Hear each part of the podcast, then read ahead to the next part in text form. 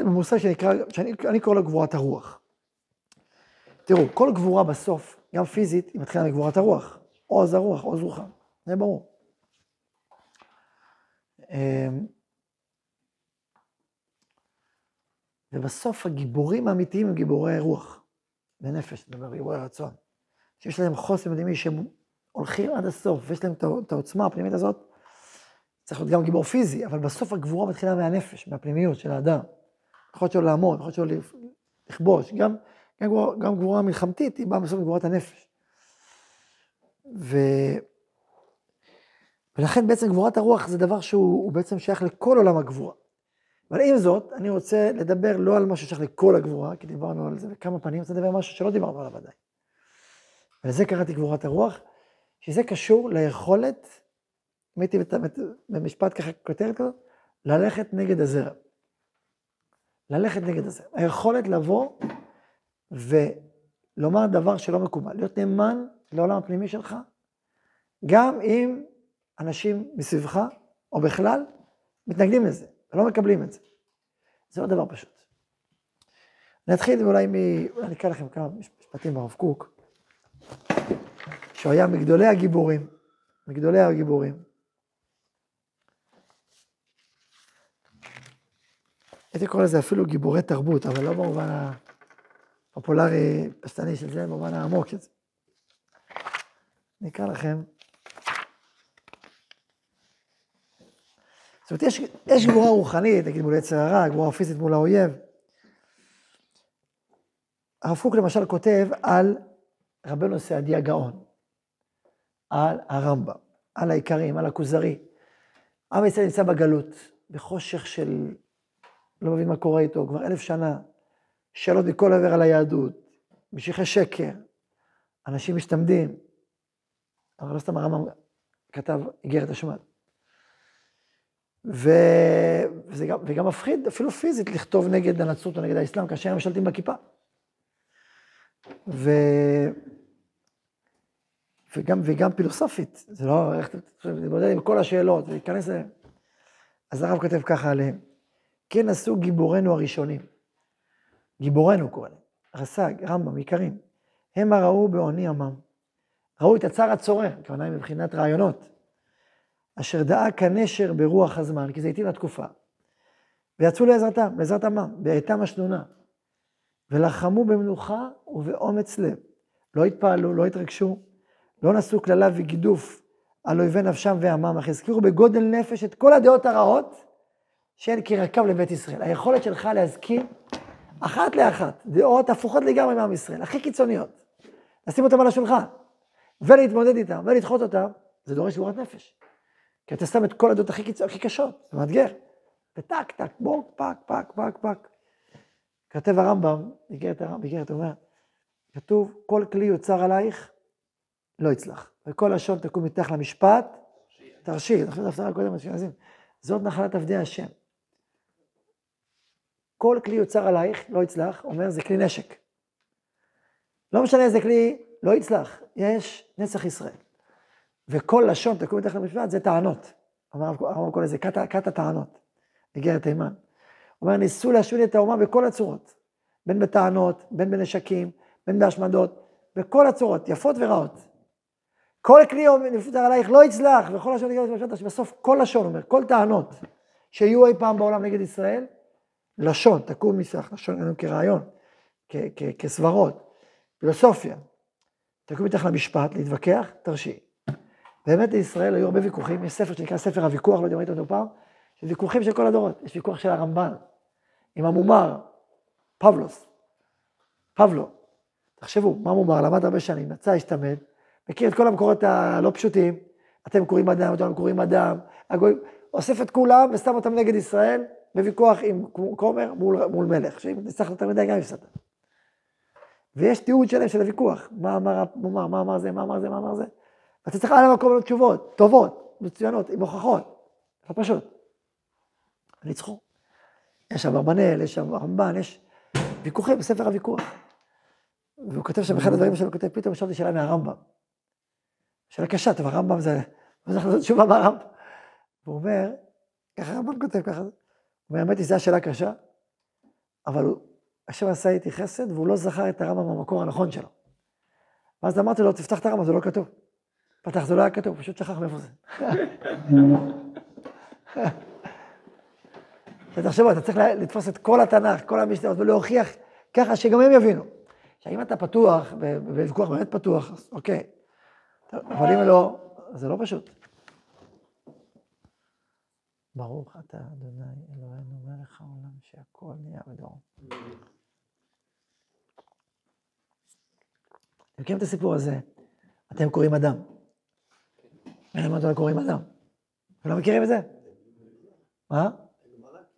מה הגמרא? זה סיפור. מי מכיר את הסיפור? כשאני אדע? מי לא מכיר? אז מי שלא מכיר, שווה לספר את זה. זה גם מאוד אקטואלי.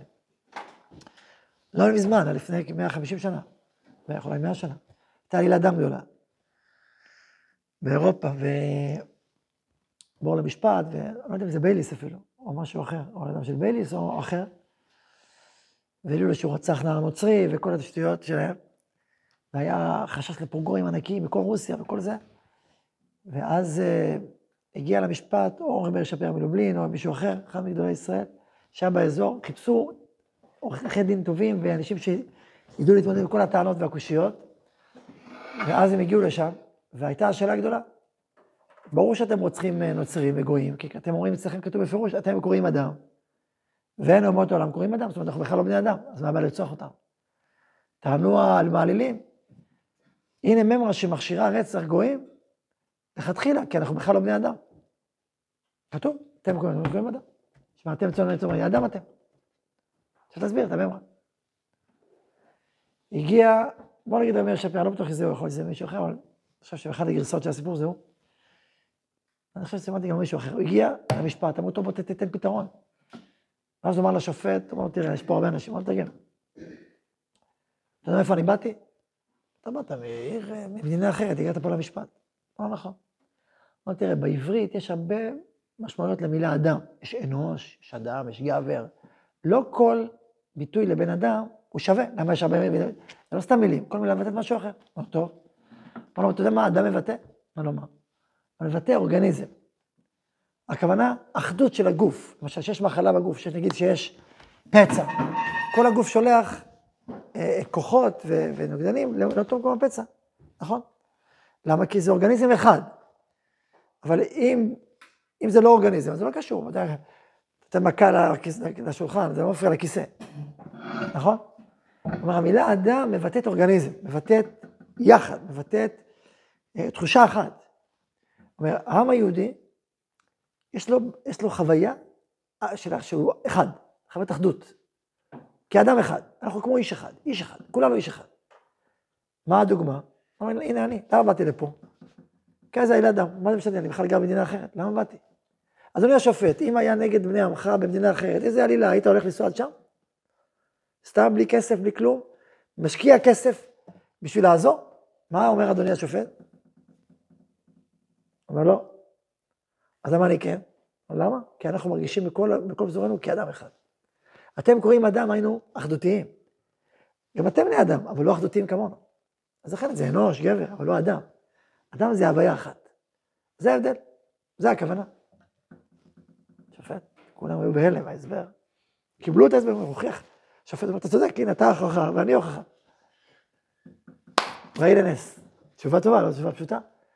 אנחנו אתמול בישיבה, אתמול, היה אתמול או היום? אתמול, שהגיעו לחוץ לארץ. אתמול, ראינו בעיניים, מה אתם עושים בחוץ לארץ? יצאתם מאמריקה. בואו תשבו שם, טילים, עניינים, פתאום ירד טיל באמצע. הרי אנשים חושבים לנסוע לבני ברק, לנסוע חושבים פעמיים, נכון? אולי טיל במרכז. לנסוע מאמריקה, להשקיע כסף, להגיע לארץ, עם הבעיות שיש, עם הבעיות בביטחון ידע. למה ולמה? למה הם באו לפה? מה הם אמרו? אנחנו אחים, אנחנו משפחה אחת, אנחנו באים לפה. אני מכל העולם. תרומות ובאים, ות... למה? עזוב, תתנתק. לא, אנחנו עם אחד. הוויה אחת, אחדות אחת. ראינו את זה, אנחנו היינו בינינו פה בישיבה. אוקיי, אז אה, למה הזכרתי את זה? כאחת הדוגמאות לאתגר בוויכוחים מול אומות העולם. לכתוב ספרים שלמים, ולהוכיח, ולהסביר, וכל לשון תקון נשלח למשפט הראשי, לראות את זה בפועל, צריך להיות גיבור רוח, גיבור רוחני, גיבור תודעתי, גיבור חכם, וזה כבר גבורה אחת. והושיעו את עם ישראל. דוגמה בתקופות שלנו, ביקורת המקרא. ביקורת המקרא זה עולם שלם, שהם באו ולמדו וכל מיני קושיות ותירוצים. והיו בגדולי ישראל שעברו על הכל, ונתנו תשובות יפות מאוד. זה לא תשובות, זאת אומרת, כל הבעיה מתחילה מהבנה שטחית, מחשיבה. רואים את ה... רואים את ה... באים בגישה אנושית לתנ"ך, בגישה ספרותית רגילה. ואז כל פעם שיש שאלה, אז התשובה היא כמו שאתה בספרות. עדיין השאלות שאלות, הפערים, פערים בניסוחים. אז למשל היה רבי יצחק אייזיק בעל דורות ראשונים, כתב ספר חמישה כרכים, דורות ראשונים, שעבר על כל ביקורת המקרא. היה הרב ברויר, זכר צדיק לברכה, שיש לו שיטה שלמה בעקבות זה. אמרתי פעם, אבל זה לא מתאים לכל אחד, יש אנשים שזה לא מתאים להם. זה איפה אנשים שמתאים להם, גיבורים. דיברתי עם תלמיד חכם גדול שהיה מקורב אליו, לרב ברויר. הוא אמר לי, תשמע, כשהברויר אמר לו עצמו, אתה יודע איזה הברויר, זה יהודי, שיטת ה... אז כאילו, כאילו כמה קולות ביחד. ניסוחים שונים זה קולות שונים, שביחד עם תמונה שלמה. אז אה, שהוא אמר לו, הרב ברויר, שכמה שהוא קרא, כל ביקורת המקרא, לא היה בו אף פעם שום שמץ קל שהתורה מהשמיים. עוז אמונה עמוקה, לא כל אחד שקורא את זה, מספיק יש לו אמונה עמוקה ועומק אינטלקטואלי. לקרוא, להגיב, להסביר. עכשיו, יש כאלה שבזה, יש כאלה שמנתחים ניתוחים אחרים, לא משנה. אבל זה גבורה, זה להביע אמירה יהודית מקורית, כאשר מבחוץ יש אופנות, רעיונות אחרים. קחו היום הדמוקרטיה. קחו את כל נושא הקהילה הגאה, מה שנקרא. הלהט"ב, לתת אמירה אחרת, זה פשוט. להסביר אחרת, זה פשוט. נכון, זה לא פשוט. צריך להיות גיבור. גם גיבור אינטלקטואלי, גם גיבור רוחני, וגם אמיץ, אמיץ. לצאת נגד זה פשוט, ממש לא. הרב קוק עצמו, זכר צדיק לברכה, כתב ספרים מאוד uh, מאתגרים, כאילו מאוד לא פשוטים. הוא אמר, אנחנו מוכנים לסבול מימין ומשמאל, מהחרדים ומהחילונים. כי זו, זו האמת הפנימית שלו. הוא פילס דרך, אבל זה היה קשה מאוד, סבל מהשמצות, מעלילות, ולא פשוטים, ממש לא פשוטים. אבל הוא היה מחובר לאמת הפנימית שלו, גם קודם כל לכתוב אותה בעומקותה, וגם לעמוד מאחוריה. הוא באמת אמר אמירות, לא פשוט, כאילו, מאתגרות. אמר למשל, משפט כזה, ש, שלפ, שלפעמים אפשר לקרוא ספר של כופרים מוחלטים, ולהתעורר לאמונה הרבה יותר מאשר לקרוא ספר של מאמינים בינונים. אתה מבין? זה משפט, משפט לא פשוט. עכשיו למה? כי אדם גדול, כיוון שהוא מרגיש, למרות שהוא כופר מוחלט, אבל הנשמה שלו מאמינה. אז תודעה חיצונית היא כפירה, אבל אתה רואה אותו מלא אמונה פנימית. אז זה מעורר את הנשמה של אדם גדול, יותר מאשר מישהו שהוא, תודע, אמונה שלו היא חלשה, תודעה דתית, אבל נמוכה. אז אתה קורא אותו, אתה אומר, זה מחליש את האמונה יותר מאשר מגדיל אותה.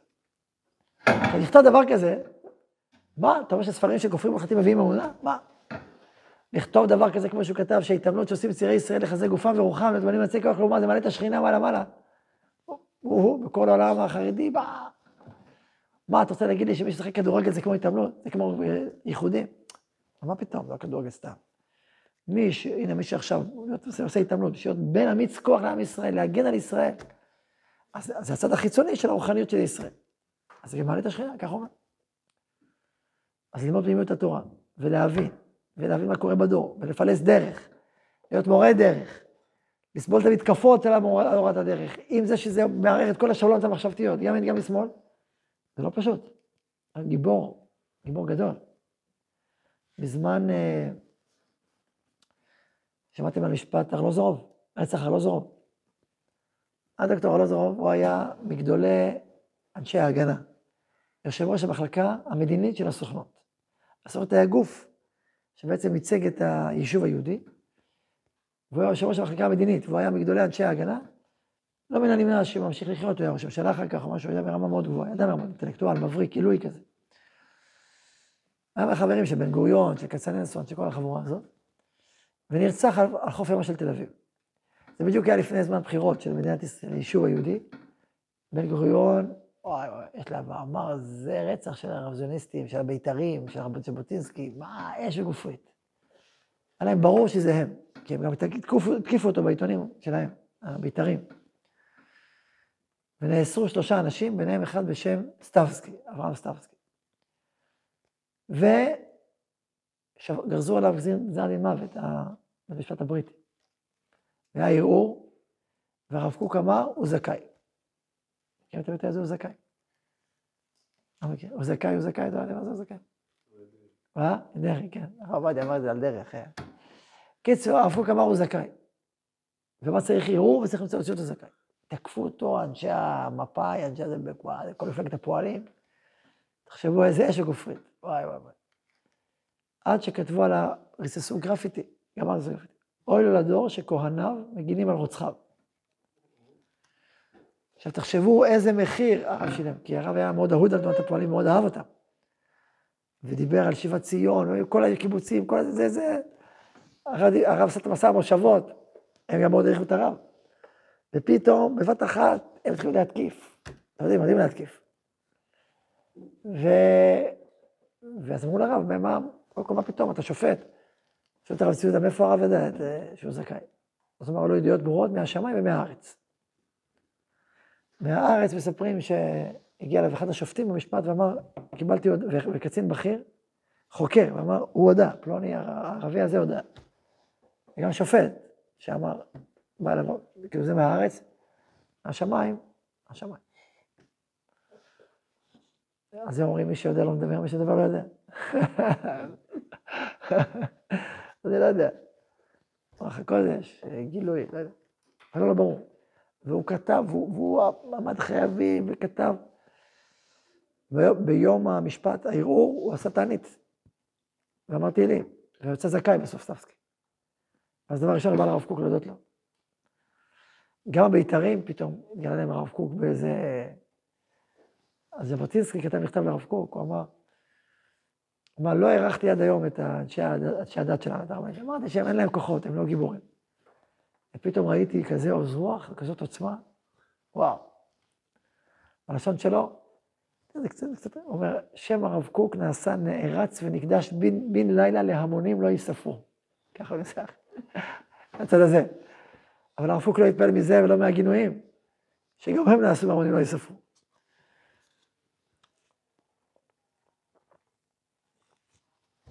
הוא היה נאמן לאמת הפנימית שלו, וביטא אותה. בדור שלנו, אני חושב, אחת הדוגמאות המובהקות זה הרב שמואל. אתה רואה אותו נאמן לאמת הפנימית שלו, הוא מבטא אותה, משלם מחירים, לא קטנים, גדולים, על האומץ, יש לו אומץ, יש לו אומץ גדול. אבל פה רציתי, תגיד לי אחרי השיעור, אני אספר לכם מה הוא אמר לי, זה דבר עניין. אבל אה, זה גבוהה, להיות גיבור. גיבור, להגיד, אפילו להגיד מה שאתה באמת מאמין בו, למרות שמבחוץ. אני לא אומר שלא צריך לעשות חשבון. זה, זה כמו כל גבורה, זה לא צריך להיות גיבור בקיר, ראש בקיר. אני אומר כמו שאני אומר, אבל זה לא שייך, זה גורם הפוך.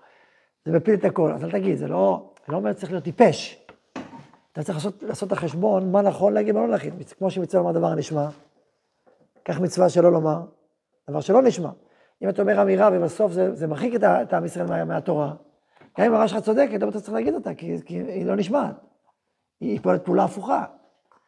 אז אדם צריך לעשות חשבון צלול, מה נכון, מה לא נכון להגיד. אבל אם אחרי החשבון הצלול, אתה אומר, נכון להגיד את זה, רק אתה פוחד, אוקיי, פה הגבוה. להגיד אמירות פנימיות, אמירות נכונות, אמירות של אמת. ולפעמים צריך להגיד אמירות עמוקות גם. זה גבורה, זה דורש גבורה, זה נקרא גיבור. נגד הזרם, זה לא פשוט. זה מתחיל אפילו בגבורה, אפילו פה, אחת אפילו יושבים כמה אנשים איתך, חבורה אחת, וכולם כאילו אומרים משהו אחד מאוד ברור, ואתה חושב אחרת. אתה מעז להגיד? אוקיי, לא קל, נכון? זה לא קל להגיד. אבל אם אתה חושב אחרת ואתה מעז להגיד, זה גבורה. זה גבורה, זה סוג של גבורה. דיברנו על מידת הגבורה, ואתם אומרים, רוצים דוגמה לגבורה, זה גבורה. כי אתה חושב אחרת. באמת חושב אחרת. אז אתה אומר, רגע, אני חושב אחרת. מה אתה זה? תגיד מה שאתה רוצה, אני באמת חושב אחרת, זה לך גם למה. אחד, שתיים, שלוש, ארבע. תיתן טענות, תגיד את האמירה שלך. אל תפחד. זה גבורה. נכון או לא? אז יש פה הזדמנות. מי שמרגיש שהוא חושב בכל הדברים משהו אחר, זה מה שאומרים, שיגיד. מי שחושב שלא להיכנס לעזה, שיגיד. שיגיד, שיגיד למה, שיגיד למה הוא חושב, שיהיה נאמן לעצמו. ויגיד את דברו, יסביר. בסדר, זה גבורה, גם גבורה. גבורת רוח. אז זה קראתי גבורת הרוח. והגיבורים הגדולים סוללים דרך, פותחים דרך, ואחריהם באים אנשים. לפעמים אדם, אתה היחיד שחושב ככה. הוא אומר, אני לא היחיד, אני הראשון. שחושב ככה. אחריי. לפתוח דרך זה לא פשוט, זה אתגר.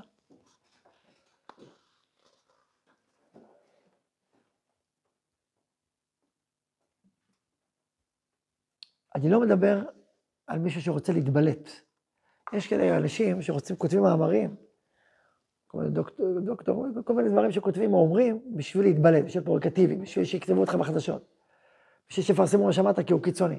זה חיצוני, זה אנשים משובדים.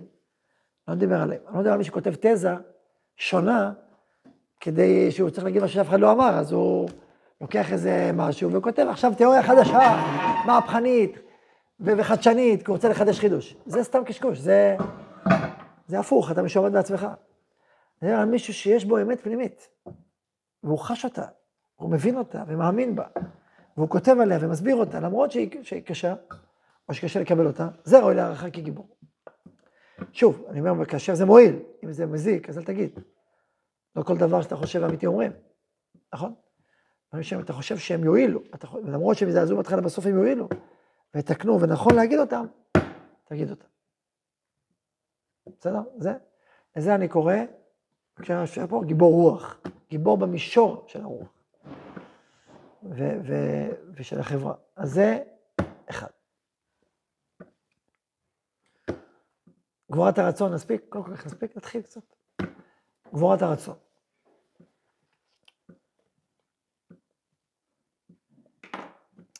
מכירים את סיפור הבעל שם טוב? על, ה, על המגדל? מביא מרבי נחמן מביא את זה גם כן. זה, אני חושב שרבי נחמן מביא שם בעל שם טוב, זה מפורסם. שהיה...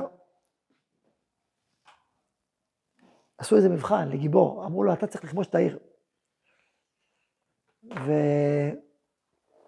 והוא ניסה לכבוש, וכל פעם היה מסביב, היה פעם אחת חומה של מים, פעם חומה של אש, חומה של חיילים, חומה של זה, שבע חומות. והראשון ניסה, הצליח אחד, את כל השאר, נעצר. שני ניסה, ראה שתיים, נעצר. והיה בסוף חומה הכי קשה שיש. אין, לא אווירה. וכל פעם, אמרו אותה מרחוק, נעצרו. עד שהגיע גיבור אחד, הגיעה חומה של אש פתאום, הוא רואה שזה פטה מורגנה, בכלל לא אש. ואז כבש את העיר. ואז הוא אומר שם, שבעצם עיקר הגבורה היא ברצון, היא בנפש, היא בפנימיות שלך. ברגע שהחלטת ואתה שב, הולך על זה, יש הרבה דברים שכאילו קשים, שכאילו, ברגע שאתה שב, פתאום זה מתמוסס, מתמוסס, מתמוסס, עד שהגעת ליעד. גבורת רצון, גבורת נפש. להיות גיבור ברצון. עכשיו, זה עולם שלם. איך, איך אדם מפתח, קודם כל, מה זה גיבור ברצון ואיך מפתחים את גבורת הרצון. גבורת הרצון, שהרצון שלך יהיה חזק, יהיה עוצמתי, יהיה משמעותי. תראו, כל דבר משמעותי שאתה רוצה לעשות, להניע תהליך, הוא ייתקל בהתנגדות. דיברת על זה בהתחלת השיעורים. נכון, זוכרים? שאלתי אתכם, מישהו פה הוביל איזה תהליך פעם בחיים. תהליך זה אנרגיה, זה הקים איזה משהו. יש פה מישהו שעשה משהו כזה? זה קבוצה, הוביל איזה קבוצה לאיזה יעד. אה, אה, עשה איזה ארגון, התרים איזה תרומה, רצה להגיע איזשהו יעד, ו... מן הסתם יש פה, לא? תצביע, אל תתביישו, תגידו. אף אחד פה לא. היה... קומונר, אולי מישהו היה קומונר? שהוביל איזה זה? פה דווקא לא. מדריך אפילו, אה, לא יודע, משהו שהבלת איזה רעיון בחבורה, היית ועד. ורצית שכל החבר'ה יעשו משהו, נראה לך מאוד נכון, מאוד חשוב, מאוד משמעותי לעשות ב'. ודיברת עם הכיתה, בוא נעשה ב'. והתקדמתם לשם, ובסוף עשיתם את זה. מישהו עשה את הדבר כזה? מה זה יכול להיות? אין פה אף אחד שעבד כיתה. אה, כן. מה? לא עבד, אבל כן. עשית משהו כזה? או, הנה אחד.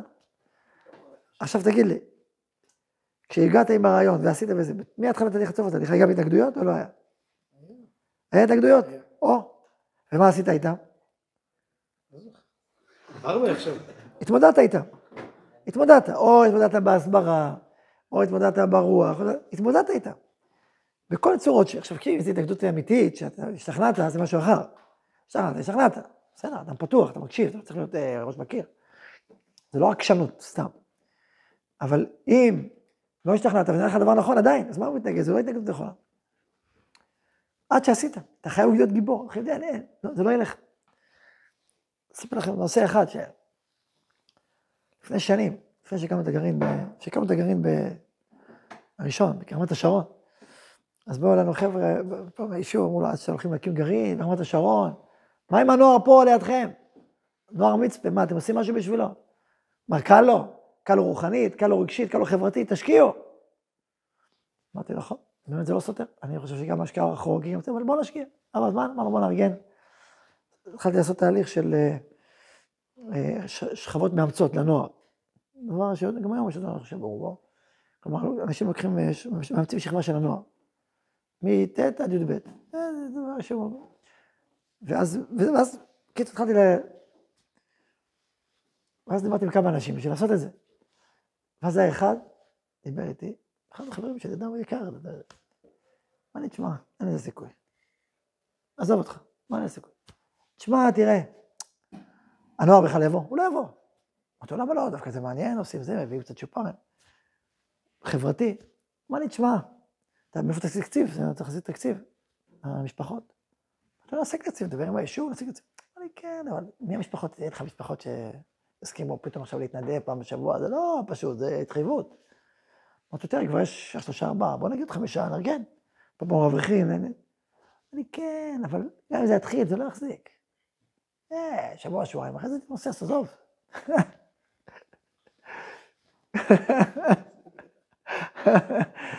אני זוכר שהיה לי את השיחה איתו, הרגשתי שאני כמו, כמו נגד אלכוהוליו, כזה סחוט. אין שום אנרגיה, שום כלום. ככה אני, ככה הגשתי. אמרתי, מה קרה? לא. הוא החליש. החליש באלף ואחת טענות ומענות. סתם החליש, סתם. בסוף זה הצליח.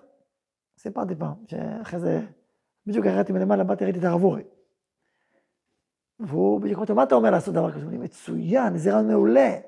לך על זה, בוא נעשה, זה חשוב. אה, החזיר לאנרגיות, הוא הוציא את האנרגיה בכל המשאבה, הוא אפילו קצת ריפא את ה... כן, וזה. וזה קרה, זה קרה ונהיה. דיברנו עם היישוב, ועם משפחות, ועם שכבות, ועם נוער, וזה קרה. אחרי כמה זמן אמרתי לו, נו, מה אתה אומר? קרה או לא קרה? אני צודק, עכשיו למה אני אספר את הסיפור הזה? זה התמודדות, יש לך רעיון טוב. הוא יכול להצליח, הוא אפקטיבי, הוא חשוב, משמעותי. אם אתה לא חמוש בגבורת הרצון, אין לזה סיכוי. תן לו חמוש בגבורת הרצון. טוב, זה רק התחלה, צריך להרחיב בזה יותר, וגם, האם יש עצות או דרכים לעורר את גבורת הרצון, או לחזק את גבורת הרצון. זו שאלה, זו שאלה נכבדה. אז זה בעזרת השם לינר, פעם הבאה, ברוך ה' לעולם, אמן ואמן.